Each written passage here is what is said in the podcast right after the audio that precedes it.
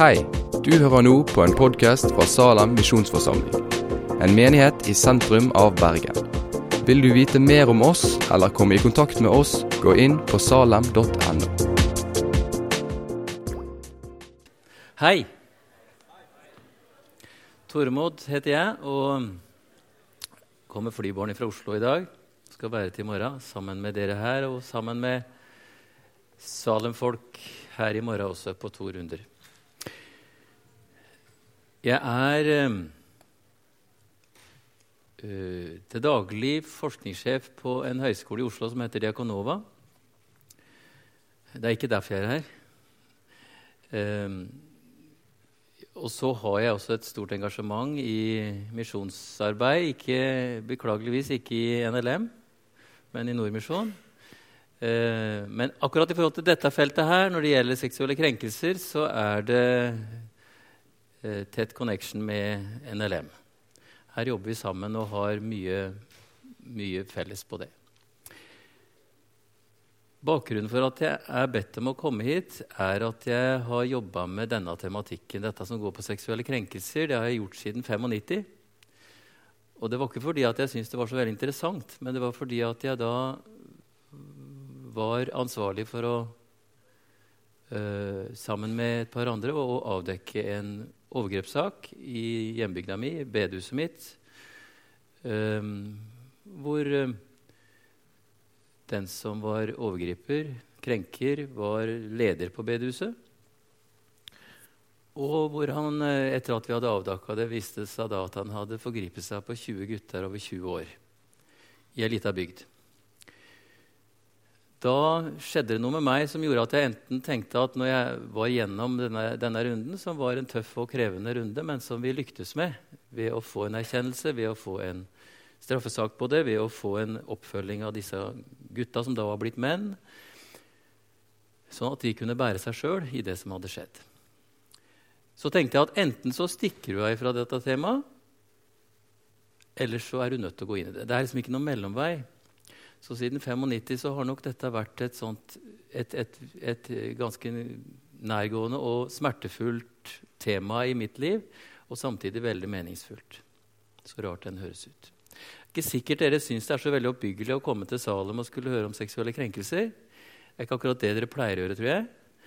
Eh, og dere skal ikke bare få høre om seksuelle krenkelser. Jeg tror vi skal bevege oss noen, noen, veier som gjør at vi kanskje får et bilde av det som kan hjelpe deg og meg til å forstå hva dette handler om. Så er det sånn, som også vi hørte her, at dette er et tema som berører oss. Det er et nærgående tema. Eh, fordi vi har, mange har erfaringer av seksuelle krenkelser i eget liv av ulik art. Mange har ikke minst nære mennesker som står de nær, som har opplevd det. Eller kanskje også som har blitt anklaga for, og kanskje også erkjent at de sjøl har utøvd seksuelle krenkelser. Uh, og så vet vi at det skjer i sånne sammenhenger som her, i våre bedehus, i våre kirker. Uh, og det har vært litt av det som uh, jeg har vært med på, er å, å følge da, når sånne anklager kommer, og følge og gi være med og bidra forhåpentligvis til at en kan gjøre en god jobb i møte med dette her. Og så har jeg forska en del på det og skrevet en del om det. Så det er liksom bakgrunnen min. Da veit dere litt om meg og litt om hvorfor jeg står her. Nå glemte jeg Bibelen min. Det skal han ikke gjøre når han skal holde preken i Salem. Det er dumt.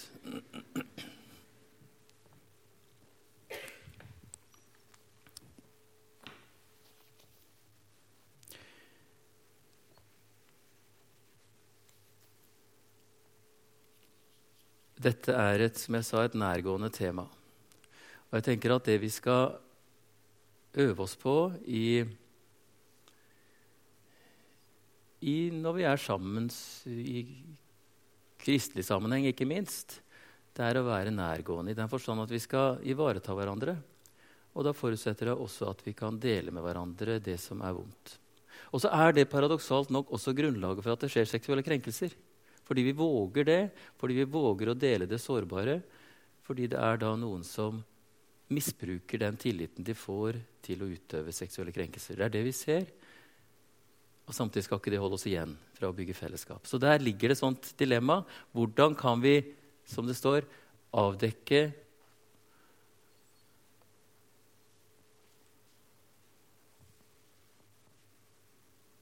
Der kom det, ja.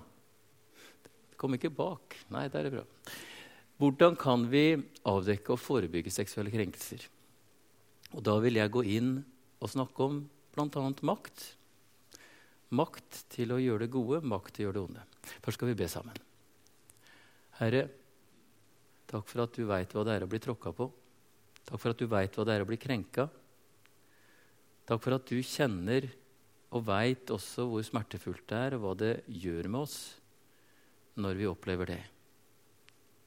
Takk også for at du er i stand til å møte den som krenker, og den som har tråkka på andre mennesker, på en måte som både verdsetter og ansvarliggjør.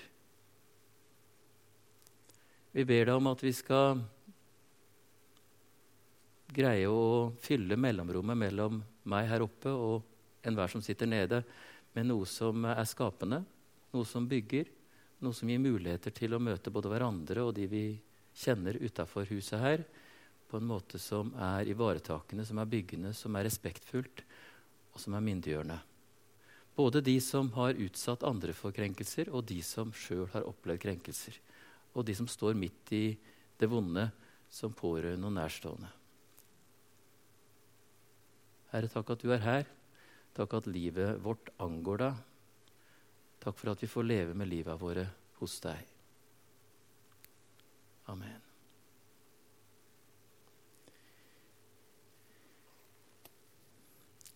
Det er ett et bibelvers som har vært uh, mitt hjelpested og forankringspunkt i alle disse åra som jeg har jobba med det. Som jeg stadig kommet tilbake, på, bak til, og, og, det vil jeg dele med dere. Det, går, det står i Jesaja 57, og det 15. verset der. Jesaja 57, 15. Så sier Han som er høy og opphøyd, Han som troner evig, den hellige er Hans navn. I det høye og hellige bor jeg, og hos den som er knust og nedbøyd i ånden. Jeg vil gi ånden liv hos dem som er bøyd ned, gi hjertet liv hos dem som er knust. Dere, det er sånn som Gud presenterer seg for oss. Han sier at han bor i det høye og hellige, og det veit vi. Og noen ganger kan vi oppleve en rimelig fjern og utilgjengelig og i hvert fall taus, spesielt når vi roper høyt og opplever at de får ikke noe svar. Han bor i det høye og hellige. Det betyr at Gud er Gud. Han har oversikten og samtidig er annerledes og på mange måter uforståelig. Men samtidig sier han noe som jeg syns er så sterkt, at når han velger det han, det stedet han vil bo, utover det å ha den store oversikten og vite hvordan allting er, så sier han at da flytter jeg meg, og så bor jeg hos den som er nedbøyd og knust i ånden. Med andre ord Guds posisjon, Guds plassering når han møter oss, det er hos den som er nedbøyd og knust i ånden. Det er den som er tråkka på, det er den som opplever at livet har gått i stykker. Det betyr ikke at han ikke er hos andre mennesker, og alle andre mennesker, men han tenker at der, det han sier at 'der vil jeg være', for der trengs jeg på en helt spesiell måte, og jeg vil være nær. Og Jesus har vist oss hva det betyr. Der er han ikke som en fikser, som en løser. Der er han først og fremst som en medvandrer, som et medmenneske, og en som kan ikke minst gråte sammen med oss og så skulle vi ønske han kunne ha fiksa og ordna. Så gjør han ikke det. Samtidig så gjør han det. Fordi han skaper rom til at vi kan få hjelp til å bære oss sjøl når vi sliter. Fordi vi har medmennesker som nettopp kan bære dette fjeset som Jesus er, til oss. Dere, når vi snakker om seksuelle krenkelser, så er det noe med at vi skal lære av Gud og plassere oss der Han er. Oversikten har vi ikke, det kan vi glemme. Det er det bare Gud som har. Men vi kan være og stille oss tett innat den som opplever seg tråkka på. Og Det er et valg av perspektiv, og vi må alltid velge perspektiv. Vi ser gang på gang, og det er dessverre noe av det mest utfordrende, er jo at den som krenker, ikke minst i kristen sammenheng, men også i familiesammenheng, som, som, som idrettsleder, som speiderleder, som nabo, som familievenn, den får veldig ofte hovedoppmerksomheten. Fordi det er jo en person som vi har tillit til, en som vi virkelig satser på, har stort på. Og Derfor så blir veldig lett at en at en, at en sliter så med å forholde seg til den påstanden at det er det som blir fokus. Det Gud inviterer oss til, og det er du sa det første instrumentet du snakka om, eller rådet, det er at hvis du skal vite hva seksuelle krenkelser er, da skal du gå tett på og være hos og lytte til den som har opplevd krenkelser. Og Det er ikke fordi at den nødvendigvis har liksom sannheten, kanskje ofte tvert imot, men den i den forstand at den forstår jo situasjonen også på en veldig rar måte. skal komme tilbake til det. Men der har du muligheten for å stå hvis du skal se hva som er sannhetsbærende i forhold til seksuelle krenkelser. Og enhver form for krenkelse, tror jeg.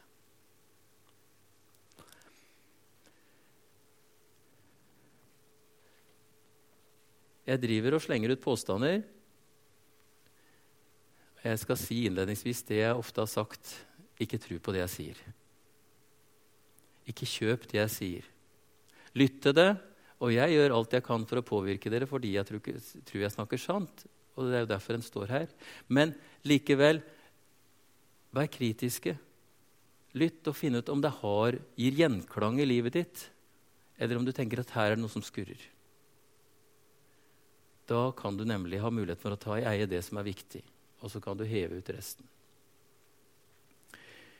En ting til før jeg går videre. Jeg har tenkt å, å overnatte her. Det betyr at jeg skal rett bort på Scandic hotell og sove uh, når jeg blir for trøtt. Men jeg er tilgjengelig etter at vi slutter av her. Og det betyr at hvis du har lyst til å spørre meg om noe, eller har noe som du har av erfaringer eller opplevelser, eller ting som du gjerne ville ha, ha delt og, og snakka litt om, så grip tak i meg. Du er velkommen til det.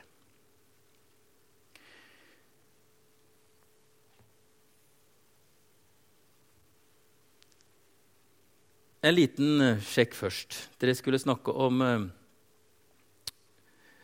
om nyttårsløfter. fikk dere beskjed om i stad. Jeg vet ikke hvor mange av dere som gjorde det, men nå skal dere i hvert fall få lov til å gjøre noe som dere må gjøre fordi jeg gjør det sånn at dere må snakke med noen.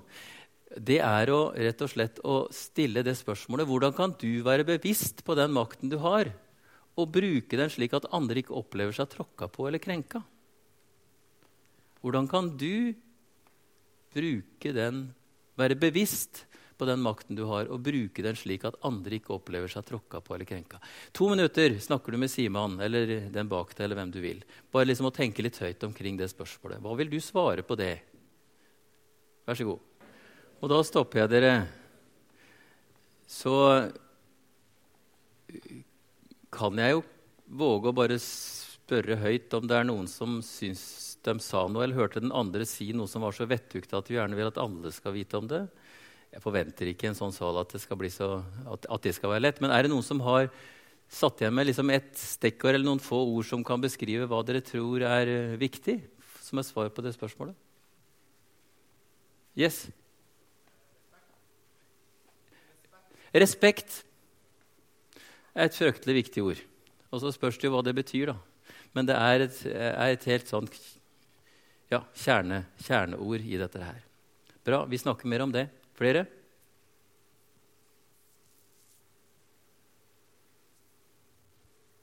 Det var det alle snakka om, ja. Respekt.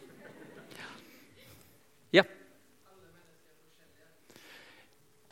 Også en sånn kjernesannhet som det er viktig å legge seg på minnet. Alle mennesker er forskjellige. Helt nødvendig å ha med seg i dette her. Flott. Respekt og at annerledeshet er det normale. Skal vi si det sånn? Jepp. Maktforhold, var det det du sa? Ja. Og det er også et godt poeng at hvis vi skal forholde oss til vår egen makt, så må vi være bevisst på hva vi har av makt, og hva maktforholdet faktisk er. Selvinnsikt, ja. Åssen får vi det? Ja? Det er, jammen, det, det er veldig godt sagt, og så er det samtidig noe av det som utfordrer oss. For jeg driver og jobber med det Jeg blir passert 60, og jeg holder fortsatt på å jobbe med sjølinnsikt. Det glipper stadig. Men det er et poeng å tenke at det må vi jobbe med ta på alvor. Yep. Kommunikasjon, ja. Hvordan kan vi snakke både med munn og med kroppen vår og med måter å være på som faktisk kommuniserer sånn det er mulig å, å, å, skjønne hva vi mener, og den andre mener. Og det er vanskelig, det. Er det noe vi er gode på, så er det å greie å høre selektivt. Uh, og det gjør dere nå. Dere plukker ut det jeg sier, og så putter dere inn i deres livsverden. Og så skapes en sånn assosiasjon som blir en sak som egentlig gjør at dere kanskje fjerner dere langt ifra det jeg sier, eller hadde tenkt å si og prøve å si. Gjør ingenting. Sånn må det være, og sånn er det å være menneske. Derfor er kommunikasjon viktig, men utfordrer oss. Ja, men så bra, da. Hvis dere ser på det som står der, så har jeg forutsatt noe. Jeg har forutsatt at du har makt. Det er kanskje ikke det du tenker mest på her i verden, at du har det. Men du har det. Og makta du har, er knytta til den sammenhengen du står i. Det skal jeg si noe mer om. Det andre er, som nettopp er knytta til ordet respekt, at du også har ansvar for maktutøvelsen. Det betyr at det er hos den andre noen grenser, noen markeringer, noen rammer som du skal møte med respekt og forholde deg til i respekt. Hvor nær, hvor mye og hva er det den andre vil i relasjon til deg når du møter han, og vice versa. Sånn at en kan møte hverandre og godkjenne de rammene som vi setter rundt oss.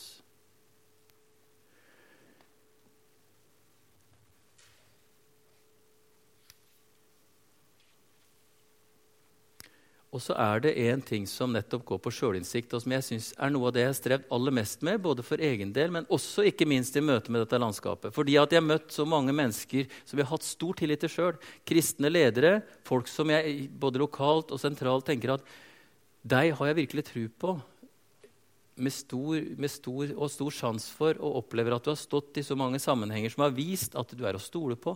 Og så er det nettopp de menneskene som jeg kanskje minst venta det, som også har utøvd seksuelle krenkelser. Dessverre så er det sånn. Hadde det enda vært noen med horn på og hale på, så vi kunne ha tatt de ut og plassert de et sted. Men det er nettopp mennesker vi snakker om her, som, som, som utøver dette her midt i at de er i en tillitsposisjon og er anerkjent på så mange måter. Så komplekst er det. Og hva er det som skjer? Er det fordi de har bestemt seg for å, gjøre, for å krenke andre mennesker? Nei, utfordringen er at de ikke forstår at de krenker andre mennesker. De tror de holder på med noe helt annet. I hvert fall så innbiller de seg det. De kaller det noe helt annet. Det er det jeg vil på mange måter kalle blindsoner det å vite at jeg har ikke oversikt over hva jeg gjør, det betyr at det jeg har intensjonelt tenkt å gjøre mot deg, det er ikke nødvendigvis det som skjer. For det er du som vet hva som skjer med deg. Hvis jeg sier at 'jeg vil deg det gode', jeg vil deg noe godt, og jeg oppfører meg for å gi deg noe godt, og så kommer du og sier 'ja, men det gjorde ikke godt', og 'det var ikke godt', og 'det skapte ikke noe godt', hvem er det da som har rett? Jo, det er selvfølgelig du som har skoen på og er mottakeren. Men den som utøver det, sitter med makta og kan veldig fort definere det til å være godt likevel. I hvert fall både i forhold til deg og i forhold til menneskene rundt. Derfor er bevissthet om makt, forståelse av makt og også forståelse av sine egne begrensninger til å se hva en faktisk utøver, en avgjørende faktor for å kunne møte dette feltet her.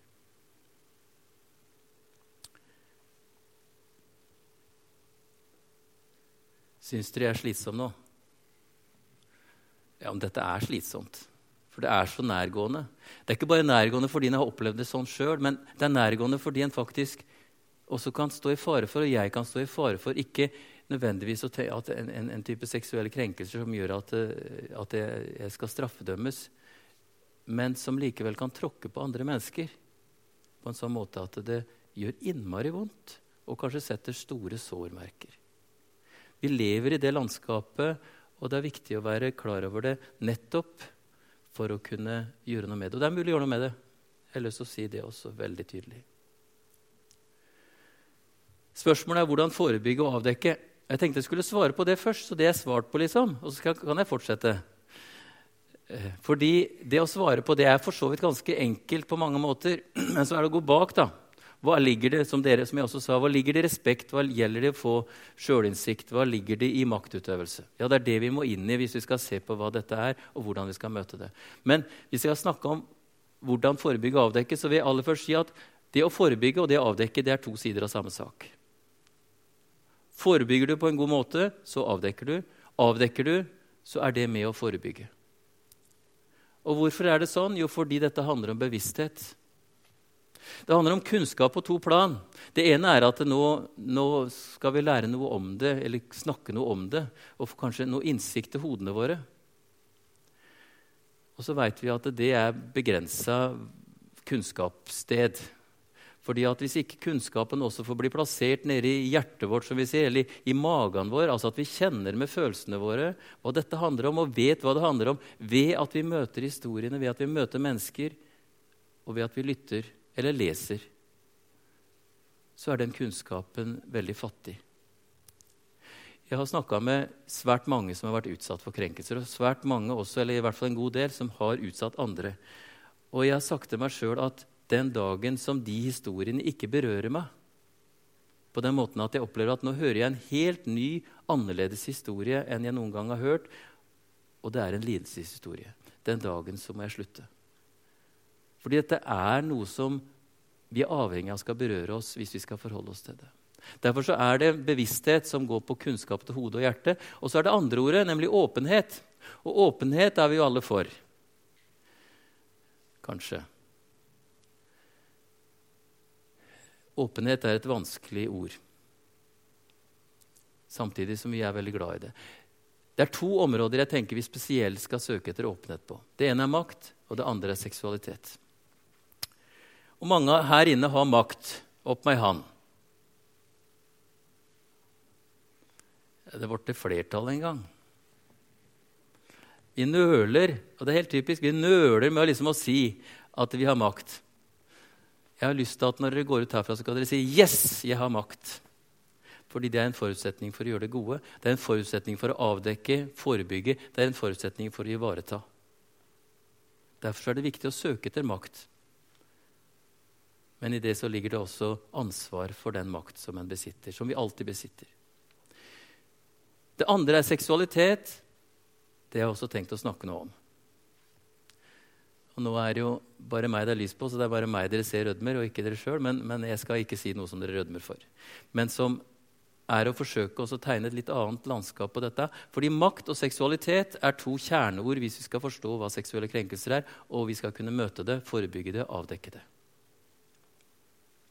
Og Det siste som står her, er at vi må ha systemer og rutiner hvis vi skal forebygge og avdekke. Det er derfor NLM og Nordmisjon og en del andre organisasjoner har laga et felles retningslinjeapparat for å møte det når det rammer våre forsamlinger og våre sammenhenger, eller at noen av våre tillitspersoner blir anklaga for å ha krenka et medmenneske, enten innafor eller utafor våre sammenhenger. Fordi at eh, rutiner, eller retningslinjer er til for én ting, og det er at vi skal gjøre det rette uten å skjønne hva som er det rette. Det er en hjelp til å vite hva vi skal gjøre, når vi ikke egentlig har kunnskap nødvendigvis til helt å forstå det, men vi skal kunne lese et sted og si at ja, når jeg møter det, så skal jeg gjøre det. Og det er det nettopp det retningslinjene er til for. Det viktigste med retningslinjene er å si at du aldri skal møte dette her aleine. Dette er et krevende landskap, og når vi møter dette ja, I vårt eget liv så trenger du og trenger jeg noen å snakke med. Det vet vi. Men også når vi møter det fra noen som kommer til oss og betror seg til oss, så skal vi si at dette trenger jeg å ha en med meg på. En som kanskje er større og sterkere enn meg, som har mer kunnskap, og som kanskje har vært borti dette før. Jeg trenger å gå sammen med noen. Og så er det en utfordring, fordi betroelser har en taushetsplikt på. Men det går an å gjøres på en sånn måte at en likevel får lov. Fordi en rett og slett, Den andre skjønner at det trenger du for at du skal være den medvandreren som jeg er invitert til å være. Da trenger du noen som kan, du kan snakke med, og du kan være hos med det. Sånn at du kan få hjelp og råd for å følge meg på en best mulig måte.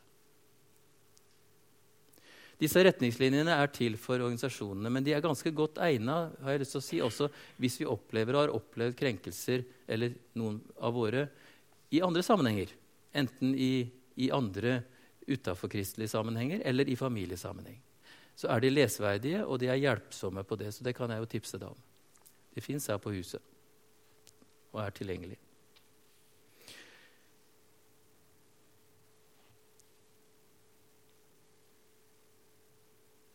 Seksuelle krenkelser, hva er det for noe? I kirkelig sammenheng så har vi i mange år, helt opp til 80-tallet, betrakta seksuelle krenkelser som noe som er i nærheten av seksuelle, seks, seksuelle forhold. Og Derfor har vi målt seksuelle krenkelser ut ifra hva som har skjedd på den seksuelle fronten, både når det gjelder alvorlighetsgrad og når det gjelder forståelsen av det. Vi har nok oppdaga etter hvert at det blir helt feil. Og det har vist seg i praksis at det blir helt feil. Derfor så er en måte å møte seksuelle krenkelser på er å si at det er den som har størst makt, altså at vi går inn i forhold til nettopp maktforståelsen. Um, I relasjon med personer i et asymmetrisk maktforhold Dette begynner å bli litt sånn språklige greier, men poenget er at det er forskjell. Det er en som er voksen, det er en som er barn. Det er en som er leder, det er en som er, er, er i, i rommet for å bli være under den som er leder. Det er en som er lærer, det er en som er elev. Det er en som har oppnådd en tillitsposisjon i den andres liv, også ved å være den en er, sånn at den andre våger å betro seg til vedkommende. Altså at den rett og slett, Det er ulikhet maktmessig, ikke fordi noen er svake og noen er sterke, men fordi det er noen som blir mer sårbare i relasjonen enn den andre. Det er det maktasymmetri handler om. Det er utgangspunktet. En asymmetrisk maktforhold, og der den med størst makt anvender en seksualisering. Og jeg bruker med hensikt seksualisering. Altså fordi det er en aktiv handling, det er et aktivt valg. Det er ikke noe som bare skjer. Men en anvender relasjonen på en sånn måte at, uh, at uh, en, en, fyller det med en seksualisering som fører til hva? Jo, som fører til at den andres intimitetsgrense blir krenka. Altså at, noen, at den tråkker over grensene og på en måte opplever å bli tillatt å gjøre det ut ifra nettopp tillitsposisjon. Altså en manipulativ måte å skape rom for at den andre tillater. Her ser dere ganske fort at her er det veldig lite som handler om sex og det skal jeg komme tilbake til. Det handler om seksualisering, som er noe annet enn sex. Eh, men det handler om makt, og det handler om misbruk av makt. Derfor hadde jeg tenkt jeg skulle si noe om makt, jeg skulle si noe om seksualitet, jeg skulle si noe om grenser. Sånn at dere eh, kan eh, få se litt av landskapet dette er i, og sånn at vi kan øke en forståelse. For det er der muligheten som jeg sa, til en bevissthet Eh, muligheten for å avdekke og muligheten for å forebygge. Vi trenger språk, vi trenger forståelse. Du har makt. Du har makt til det gode. Jeg har noen ganger jeg holdt på med det i 15 år tror jeg, og spurt studentene hva de assosierer med ordet makt. Og Det er en ganske spennende reise, fordi for 15 år siden så var alle, så å si alle uttrykk for makt var negativt lada hva assosiasjoner var. I dag så opplever jeg mye mer balanse. Så det er tydelig at det har skjedd noe, at det ordet har blitt litt mer stuereint enn det var en stund. Men med en gang jeg sier følgende Dette er i sjelesorg og diakoni, så det, folk er litt innvandra i hvem Jesus er. Da, og sier at, Men hva tenker dere da når jeg sier at 'meg er gitt all makt i himmel og på jord'? Jo, da er alle begeistra og glade, for da vet de jo at det er bra. For den som sa det, tror de på. Med andre ord, de setter stor pris på at Jesus har stor makt. Med andre ord, Det er mulig å ha stor makt og allikevel bære den sånn at en nettopp kan gjøre det gode. Og Det er jo det som gjør at vi tror på Jesus, at han faktisk bar sin makt på en sånn måte at han gjorde det gode så vi kunne bli Guds barn. Hva er makt for noe? Det er mye, mye maktteorier, men, men, to veier inn. Det ene er makt av noe som utøves. Det er ikke noe som noen sitter og eier og holder på. Det er noe som skjer imellom oss. Hva er det jeg driver med nå? Jeg driver med ganske sterk form for maktutøvelse. Har dere ikke skjønt det, så, så har jeg drevet god manipulasjon så langt. skjønner Jeg Jeg driver og utøver makt. Jeg utøver makt ved å prøve å si noe om hva seksuelle krenkelser er. Skape en forståelse, putte det inn, formidle det, sånn at det i beste fall kan bli noe som er nyttig å ta med seg. Jeg utøver makt. Og jeg gjør det fordi noen syns at jeg var såpass kompetent på dette at de ropte på meg og sa at 'kom hit, og så vær en sånn en'. Men det er ikke bare sånn at jeg utøver makt. Dere sitter der og utøver makt så det bare sjoger. så Dere vet det. Dere ser ut som dere er veldig interessert. Jeg vet ikke om det stemmer. Dere kan sitte inne, inni dere og tenke på hva skal jeg finne på etter at dette møtet er ferdig. Dere kan til og med velge å si at nei, nå går jeg ut, dette gidder jeg ikke å høre på. Dere kan utøve makt på mange måter. Fordi makt skjer aldri bare én vei, det skjer alltid to veier. Men det er samtidig ikke noe tvil om at jeg er i en overmaktsposisjon. Det er rolla mi, det er forståelsen av meg sjøl.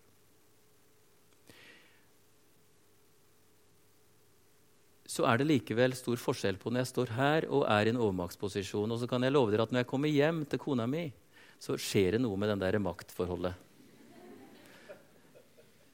Ikke, ikke, tenk at jeg er en tøffel nå. Jeg tror vi er ganske jambyrdige. Men det er i hvert fall ikke sånn at jeg er en sånn åpenbar overmaktsposisjon. Da er vi jambyrdige. Det har med andre ord noe med sammenhengen vi er i, og det er det som er viktig å, å se på når vi snakker om makt og maktutøvelse.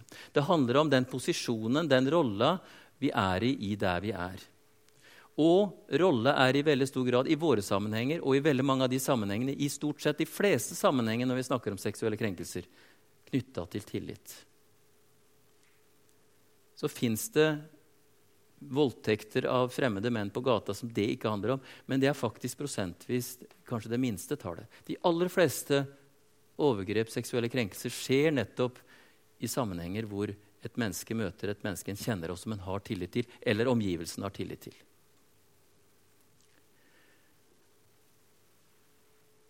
Med andre ord, vi må, hvis vi skal gå inn i dette feltet, så må vi finne ut Og noen kommer og sier at Eller formidler 'jeg har blitt tråkka på'. Noen har krenka meg. Det bruker vanligvis ikke de orda, men en tenker ut fra det en veit om hva seksuelle krenkelser er, tenker at ja, dette handler i hvert fall om dette feltet her. Det første vi skal gjøre da, det er nettopp å gå inn og se hva er forholdet mellom disse to. Jo, Den ene er sjelesørger, den andre er der i sjelesorg. Eller den ene er ledende, den andre er det ikke. Av og til så er det sånn, av og til så er det vanskelig å si om de er ujevne. Men det er den veien vi, vi, må gå inn for å finne ut hvordan skal vi møte dette her. Det er ikke fordi at det ikke skjer seksuelle krenkelser når vi er jambyrdige. Det skjer seksuelle krenkelser i et ekteskap. Absolutt. Og i utgangspunktet så er det jambyrdighet. Av og til ikke. Ganske ofte ikke. Men hvis vi forutsetter jambyrdighet, så betyr det ikke at ikke det ikke skjer seksuelle krenkelser. Men da har den andre en motmakt som gjør at det er mulig å ta et oppgjør med det.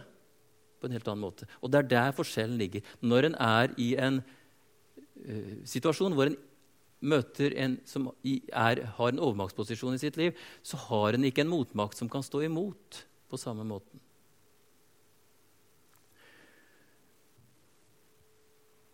Det som er veldig vondt i forhold til seksuelle krenkelser, det er, og som kjennetegner jeg ser at alle, alle, alle, historier om seksuelle krenkelser er vidt forskjellige. Men det er, det er tre felleskjennetegn på samtlige av de historiene jeg har hørt, og også hva litteraturen sier om det.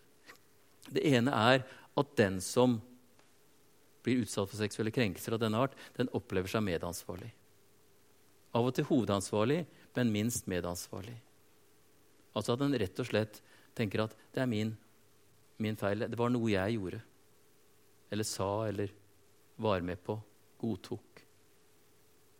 Det andre er at en dermed også som en konsekvens av det kjenner på skyld.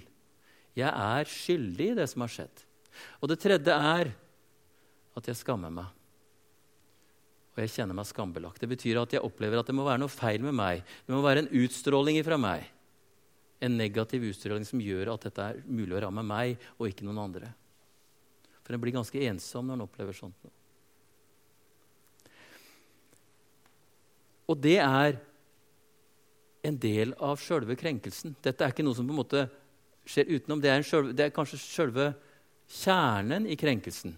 Ikke isolert de seksualiserte handlingene, men det er det å få den andre inn i en virkelighetsforståelse som er løgn, og som er prega nettopp av å overføre ansvaret for den som har det, nemlig krenkeren, til den som blir krenka. Så den sitter med ansvaret og byrden og ryggsekken over det som har skjedd.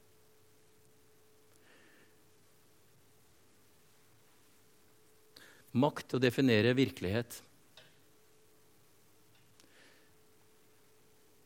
Det som er aller viktigst når du og jeg er i en maktposisjon, det er at vi gir ifra oss definisjonsmakten. At vi våger å stille spørsmålstegn ved vår egen virkelighetsforståelse når noen kommer ikke sier at vi har blitt krenka, men kjenner seg såra over ting vi har sagt som ledere, som autoritetspersoner. Jeg som lærer når jeg har studenter, dere som ja, sykepleiere, whatever. I hvert fall at dere er i situasjoner og posisjoner der dere vet at nå er jeg i en maktposisjon, hvis dere da tenker den tanken. Vit det at det første du skal gjøre når noen da kjenner seg såra, er å gi fra seg definisjonsmakten. Å våge å tenke at kanskje han eller hun har rett. Det er urettferdig, det. For du er jo sikker på at du prøvde å gjøre det gode. Og det er jeg sikker på også. Men så ble det ikke det gode. Det er en form for åpenhet ikke minst i forhold til vårt eget liv, som er veldig krevende, men som vi trenger. Vanligvis så holder jeg på en tre-fire timer med dette her, og jeg ser at eh, Men vi skal ikke gjøre det nå, altså. Tillitsmakt dette er et bilde som jeg har brukt veldig mye. Det, fordi det viser både maktasymmetrien, men samtidig hvordan den er basert på den gode tillitsmakten. Hvordan sårbarhet er noe godt, noe flott, og er en forutsetning for å ha et godt forhold. Seksualitet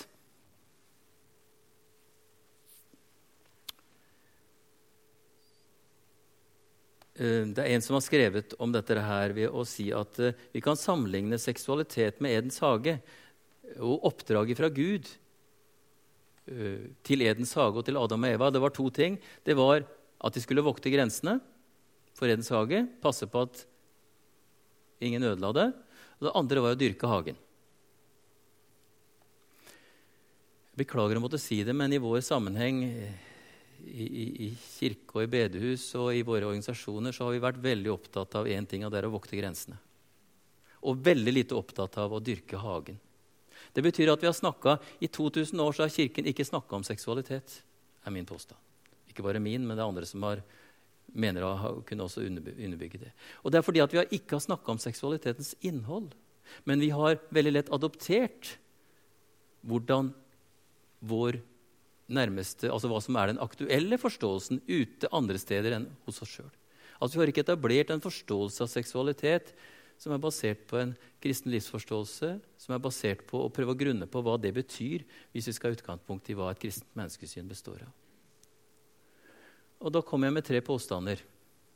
Ikke kjøp de, men tygg på de, og våg å forholde deg til de og finne ut er de er de, er de sannhetsbærende.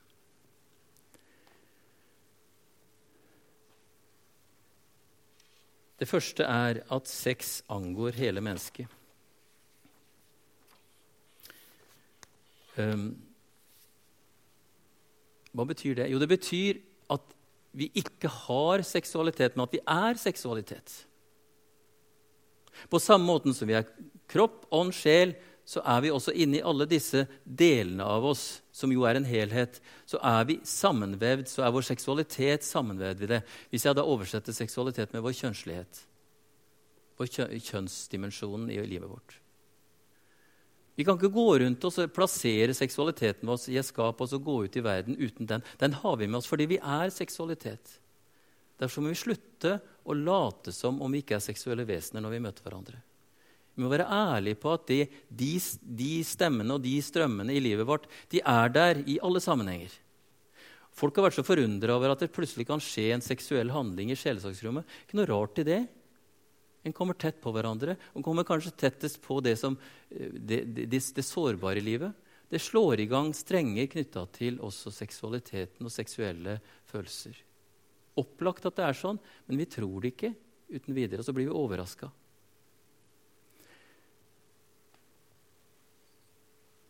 Derfor er det viktig å, ta, å, å fange den forståelsen av seksualitet som vi, vi, veldig fort får. At seksualiteten er noe vi har, og som vi på en måte kan plassere og, og definere som noe som er Nå er vi i det, og nå er vi ikke i det.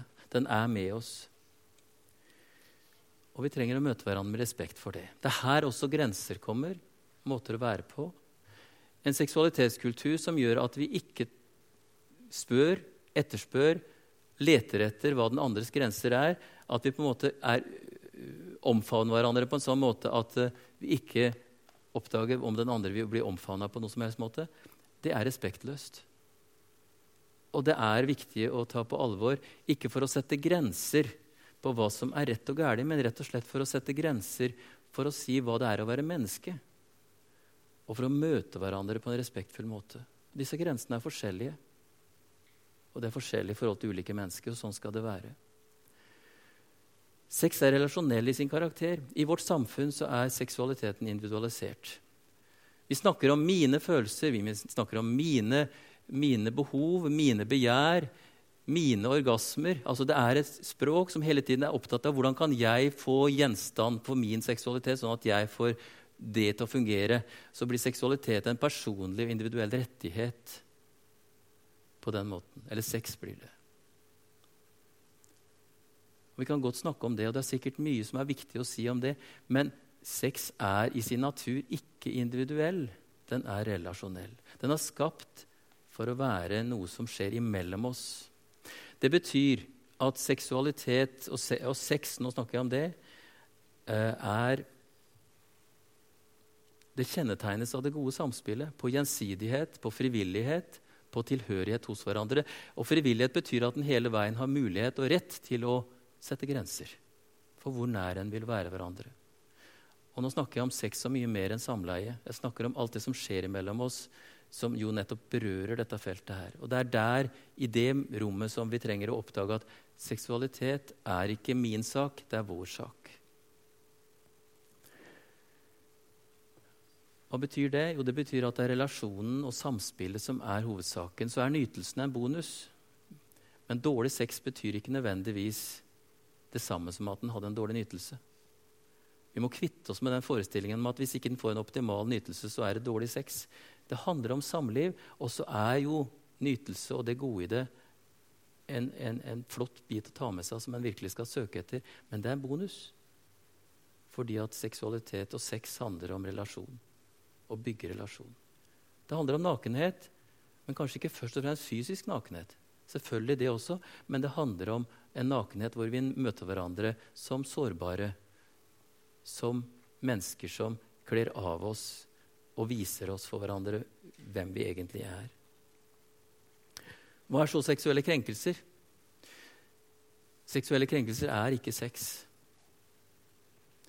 Seksuelle krenkelser er misbruk av seksualiteten. Et bilde. Hvis du har ei kjevle og slår den i huet på en annen en, så kaller du det ikke baking. Er du med meg på den? Når du anvender seksualiteten til å krenke et annet menneske, så kaller du det ikke sex. Det er like stor avstand. Det er et misbruk av sex, misbruk av kjevla, misbruk av seksualiteten. Derfor er det viktig å ta et oppgjør med det, så vi ikke begynner å måle seksuelle krenkelser på hvem som var aktiv seksuell, eller hvem som gjorde hva seksuelt. Det handler ikke om det i det hele tatt. Det handler om relasjon, det handler om maktforhold, og det handler om misbruk av makt.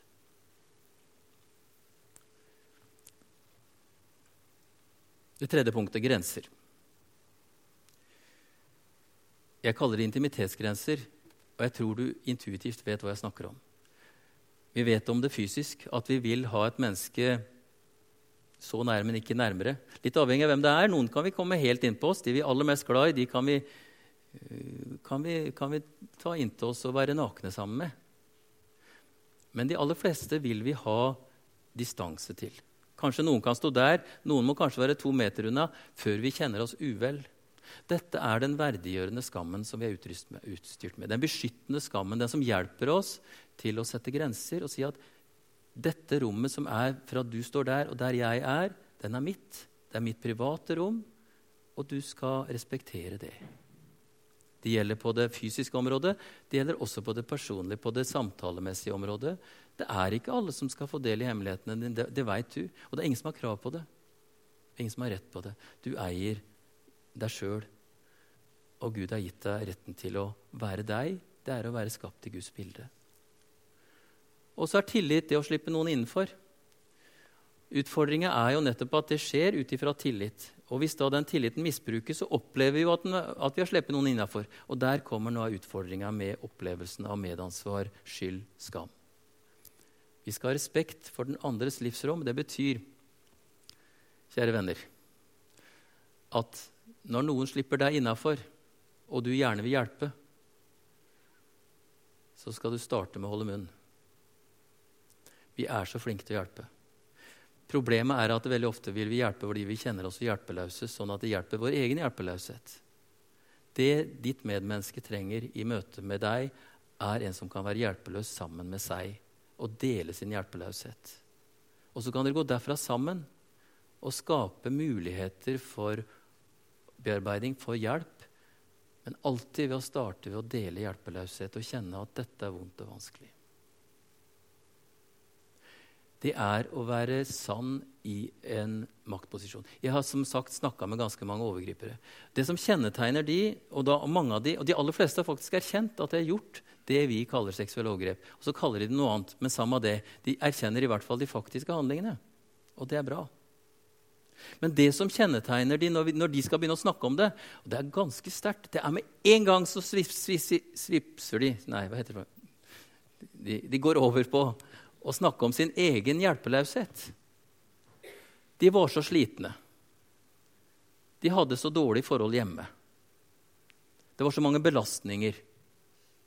Og så begynner de å snakke om den andre som var så attraktiv på noe vis, eller at den hadde som intensjon å være god og vise at den var glad i. Og så gikk den vel kanskje over streken da, men det var basert på hjelpeløshet. Altså en total mangel på erkjennelse av sin eget misbruk av makt og ansvar for å gjøre det. Og Det er veldig naturlig at det skjer. Fordi at det som er viktig å, å, vite, er at selv om du er i en maktposisjon, selv om jeg er i en maktposisjon, så kan vi kjenne på hjelpeløshet. Og det er da vi skal ha uh, noen antenner oppe. For da tenker jeg at når vi kjenner på det, så står vi i fare for å misbruke vår makt. Da skal vi nettopp tenke at den hjelpeløsheten skal jeg tåle og ta ansvaret for, ikke minst. Sånn at det ikke rammer den andre. Som det gjør med den som da ikke tar ansvar for sin hjelpeløshet og krenker et annet menneske. Det var eneste muligheten for å vise, vise dere de tre barnebarna mine. Hva er det å være menneske? Det er å være sårbar. Og du skal være glad du er sårbar, for hvis ikke du hadde vært sårbar, så hadde du ikke vært menneske. Og du hadde ikke vært i stand til å være glad i noen. For er du glad i noen, så risikerer du å miste. Det å være sårbar er et helt grunnleggende adelsmerke ved det å være menneske. Og du er begrensa.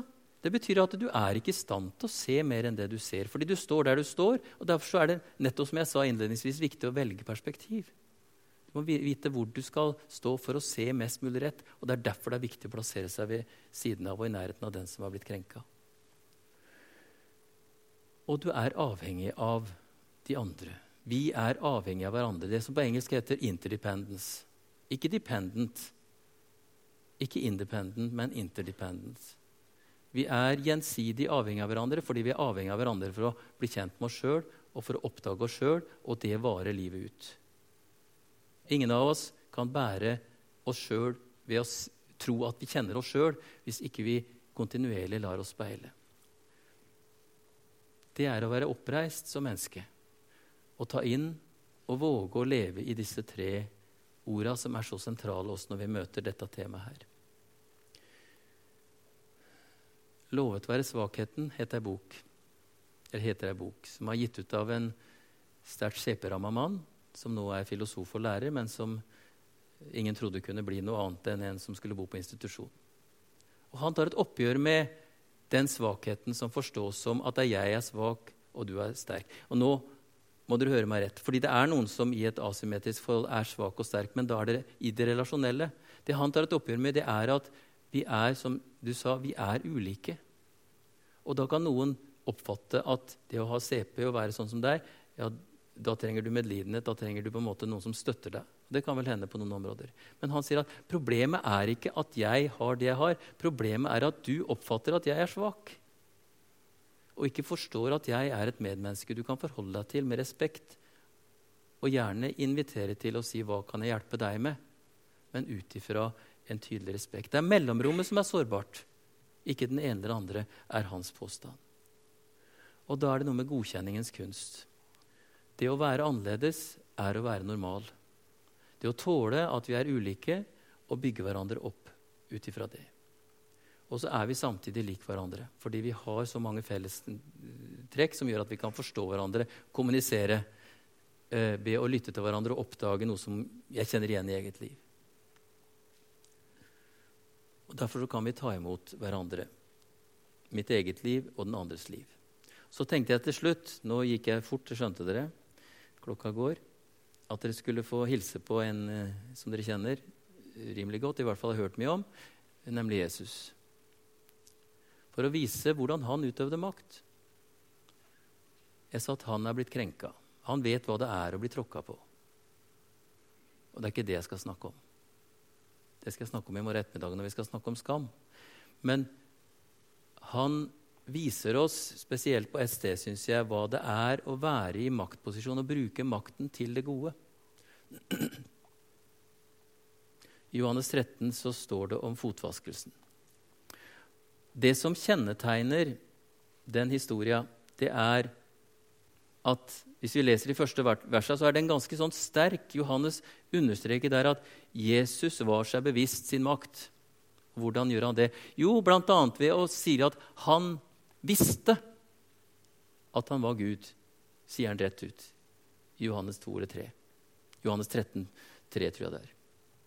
Jesus visste at han var i Guds posisjon, var, var, var i maktens posisjon. Det var grunnlaget for hva? Jo, for at han bøyde seg ned, tok på seg slavens tok på seg forkleet og utøvde slavens arbeidsgjerning, nemlig å vaske føttene til disiplene. Peter protesterte, men han fikk et knallgodt svar som gjorde at han ga seg ganske kjapt. Dette er for at vi skal ha del i hverandre. Dette er for å være sammen på en rett måte, og for at du skal få del i meg. Bevissthet om vår makt, og så er den makten gitt oss for at vi skal kunne tjene hverandre. Og hva er det å tjene hverandre? Jo, det er å gi den andre makt. Det er gi den andre mulighet til å definere virkelighet. Det er å gi den andre mulighet for å komme fram og komme med sitt. Ikke for at den sitter med fasiten, men for at den skal bli møtt med en måte som skaper oppreisthet og mulighet for å komme fram, ikke minst med de vonde historiene om livet sitt. Så sier vi at ja, da skal vi tro på den historien. Ja, vi skal tro at den andre forteller en historie som oppleves sann, og veldig ofte er den også sann ytre sett. Men utgangspunktet er at vi skal møte dem med den respekten at det du forteller, er faktisk noe du har opplevd. Og det, det, det, opplevelse skal vi alle diskutere. Den skal vi si at dette er en vond opplevelse. Dette er noe som vi må ta på alvor. Hva skal vi gjøre sammen for å rydde opp i dette her om mulig? Hvis det å tjene er å gi den andre makt, så er det å tjene også frivillig å gi avkall på vår makt. Kjære Kristian, du er pastor. Du er liksom topp. Det syns du er enkelt, tenker jeg. Jeg tror du og jeg litt om det på forhånd, nettopp kjenner på det at jeg skal være pastor. Det betyr at jeg skal være noe som gjør at de andre får sjanse til å vokse som kristne, som mennesker, og legge til rette for det. Det gjør du ikke ved å utøve makt og sier 'hør her, nå skal dere høre på meg' og gjøre akkurat sånn som jeg vil. Det er ved å lytte. Det er å være sammen med, det er ved å ha dialogen. Vi har hatt altfor mange høvdinger i kristne sammenhenger. Vi trenger medmennesker som leder i kristne sammenhenger. Som våger å gi avkall på sin makt og dele med andre også sin egen sårbarhet uten å ynkeliggjøre seg, uten å ødelegge muligheten for å utøve lederskap. Har jeg snakka nå om det som var tema? Dere har ikke fått noe fasit, men dere har, håper jeg, fått noen gode hjelpemidler til å jobbe med det i eget liv og jobbe i forhold til hverandre, sånn at vi kan møte hverandre kanskje enda mer godt utrusta med større sjølinnsikt til til å møte hverandre. Sjølinnsikt starter med å erkjenne at en ikke har sjølinnsikt. Kompetanse er å vite hva jeg ikke kan. Igjen dette med å ta et oppgjør med vår eneståenhet og tro at vi er helt uavhengige. Vi, vi, trenger hverandre. Vi trenger hverandre for å vite hvem vi er og speile hverandre i. Vi ber til slutt. Herre, dette er vanskelig. Og så er det så godt å vite at du ikke stikker av fra det vanskelige. Og du stikker ikke av fra oss. Og så er det så godt å vite at når vi tråkker i det og gjør noe som vi ikke skulle ha gjort, ja, så sier du at vi er ansvarlige for det, men at du samtidig har møtt oss på en sånn måte at du kan bære oss i det at vi er ansvarlige også. Så vi ikke går i stykker. Sånn at vi kan være en som kan reise andre opp ved at vi sjøl bærer ansvar. Hjelp oss til det, og hjelp oss til å møte hverandre, ikke minst når dette er vonde Vi får høre om det vonde, og vi sjøl blir ramma av det vonde. Hjelp oss til å leve sammen og ikke gjemme oss bort, men finne noen som kan hjelpe oss videre i livet, sånn at vi kan leve som oppreiste mennesker.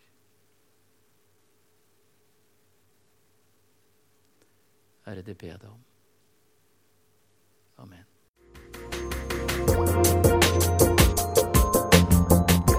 Takk for at du har hørt på podkasten fra Salem, Bergen. I Salem vil vi vokse i et stadig dypere fellesskap med Gud og med hverandre. Vi vil være Jesu hender og føtter, og vi vil være med og forkynne frelse for Bergen og resten av verden. Besøk oss gjerne på salem.no om du vil vite mer.